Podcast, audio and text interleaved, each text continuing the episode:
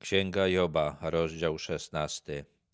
Na to odpowiedział Job i rzekł: Podobnych rzeczy słyszałem wiele. Marni z was wszystkich pocieszyciele. Kiedy kogoś dotknie nieszczęście, wielu ludzi próbuje go pocieszyć. Tak też było z Jobem. Powiedział swoim przyjaciołom, że zanim przyszli, było już wielu innych, którzy też próbowali mu pomóc, próbowali go pocieszyć i mówili podobnie jak oni i nie pocieszyli go podobnie jak to, co słyszy od przyjaciół, też mu nie pomaga. Czy już koniec z tym niedorzecznościom? Albo co cię pobudza, że odpowiadasz? I ja mógłbym mówić tak jak wy, gdybyście byli na moim miejscu. Mnożyłbym przeciwko wam kwiecistą mowę i potrząsałbym nad wami głową. Pokrzepiałbym was ustami i nie szczędziłbym wam pociechy moich warg. Job rozumie swoich przyjaciół, kiedy ktoś widzi nieszczęście drugiego człowieka i chce mu pomóc, to zwykle próbuje mu powiedzieć bardzo wiele. Job mówi swoim przyjaciołom, że to jest błąd, że to nic nie daje. Być może gdyby był na miejscu swoich przyjaciół, to też by się tak zachowywał, ale będąc w takiej sytuacji, jakiej jest, wie, że to nie ma sensu. Chciałby, żeby przestali już tyle mówić. Chociaż mówię, nie ukoi się mój ból, a choć mówić przestanę, nie opuści mnie. Przedstawia też swoją sytuację. Mówi, bo bardzo cierpi, ale wie, że niezależnie od tego, czy będzie mówił o swoim cierpieniu, czy nie będzie mówił, to będzie cierpiał mniej więcej tak samo.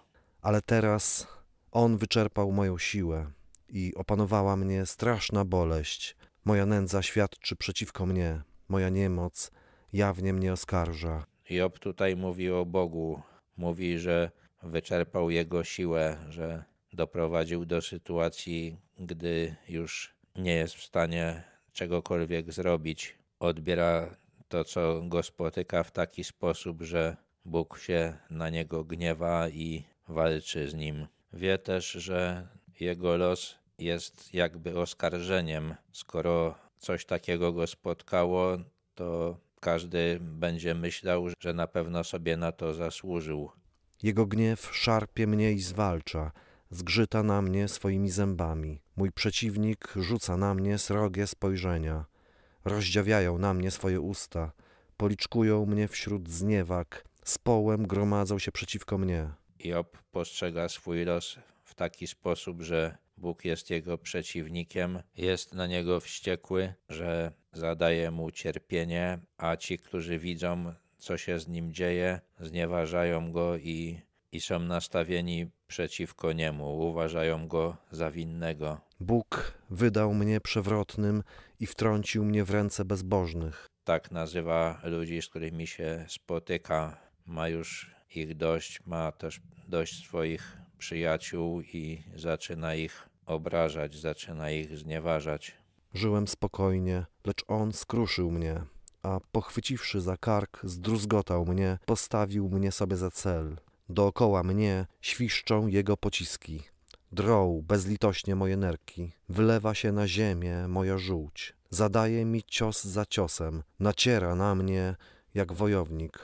Job uważał, że Bóg stał się jego wrogiem i zaatakował go, że zmiażdżył go, że zadał mu śmiertelne rany, bo rana nerek czy taka sytuacja, kiedy żółć wylewa się z człowieka, to już oznacza, że ten człowiek musi umrzeć. Uważa, że żył spokojnie, że nie był wrogiem Boga i nie zasłużył sobie na to, żeby go tak atakować. Przywdziałem wór pokutny na moje ciało, a moim czołem wryłem się w proch. Moja twarz jest czerwona od płaczu, a na moich powiekach ciąży mrok, chociaż na moich dłoniach nie ma występku, a moja modlitwa jest szczera. Job mówi, że upokorzył się przed Bogiem, że, że zachowywał się tak, jakby zawinił wobec niego, chociaż jest pewien, że nie zawinił ani uczynkiem, ani też nie okłamywał go podczas modlitwy. O ziemio, nie zakrywajże mojej krwi i niech nie ustanie moja skarga. Już teraz mam świadka w niebie i swego orędownika na wysokościach. Job jest przekonany, że niewinna krew, że śmierć niewinnego człowieka woła o pomstę do nieba i uważa, że jego los też woła o pomstę do nieba. Jest też pewien, że ma świadka i orędownika na wysokościach, czyli że Bóg zna jego sprawę i będzie po jego stronie. Także przeskakuje ze skrajności w skrajność. Raz nazywa Boga przeciwnikiem, mówi, że naciera na niego jak wojownik, a potem zaraz uznaje go za swoją jedyną nadzieję. Moi przyjaciele naśmiewają się ze mnie. Ku Bogu spogląda we łzach moje oko, aby rozstrzygnął na korzyść męża jego sprawę z Bogiem, na korzyść człowieka jego sprawę z bliźnim, bo jeszcze tylko kilka lat, a wejdę na ścieżkę, z której nie ma powrotu. To, co Jobowi mówią przyjaciele, on odbiera jako drwinę z siebie i jedyną jego nadzieją w tym momencie było to, że Bóg widzi, co się z nim dzieje i rozstrzygnie jego sprawę na jego korzyść. Uważał, że zostało mu jeszcze kilka lat życia i miał najwidoczniej nadzieję, że przez ten czas przekona się, że Bóg rzeczywiście jest jego przyjacielem. Na to cały czas liczy.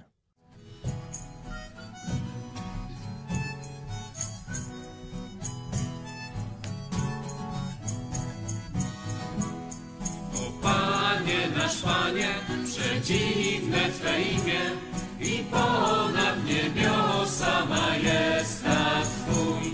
O Panie nasz Panie, przedziwne Twe imię i ponad niebiosa majestat Twój.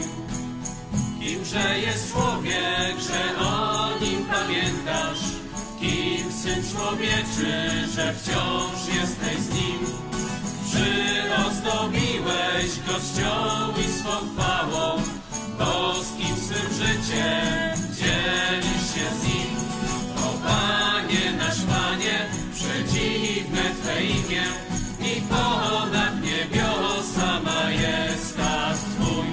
O Panie, nasz Panie, przedziwne Twe imię i ponad niebiosa majestat Twój. Dałeś mu władzę nad dziełami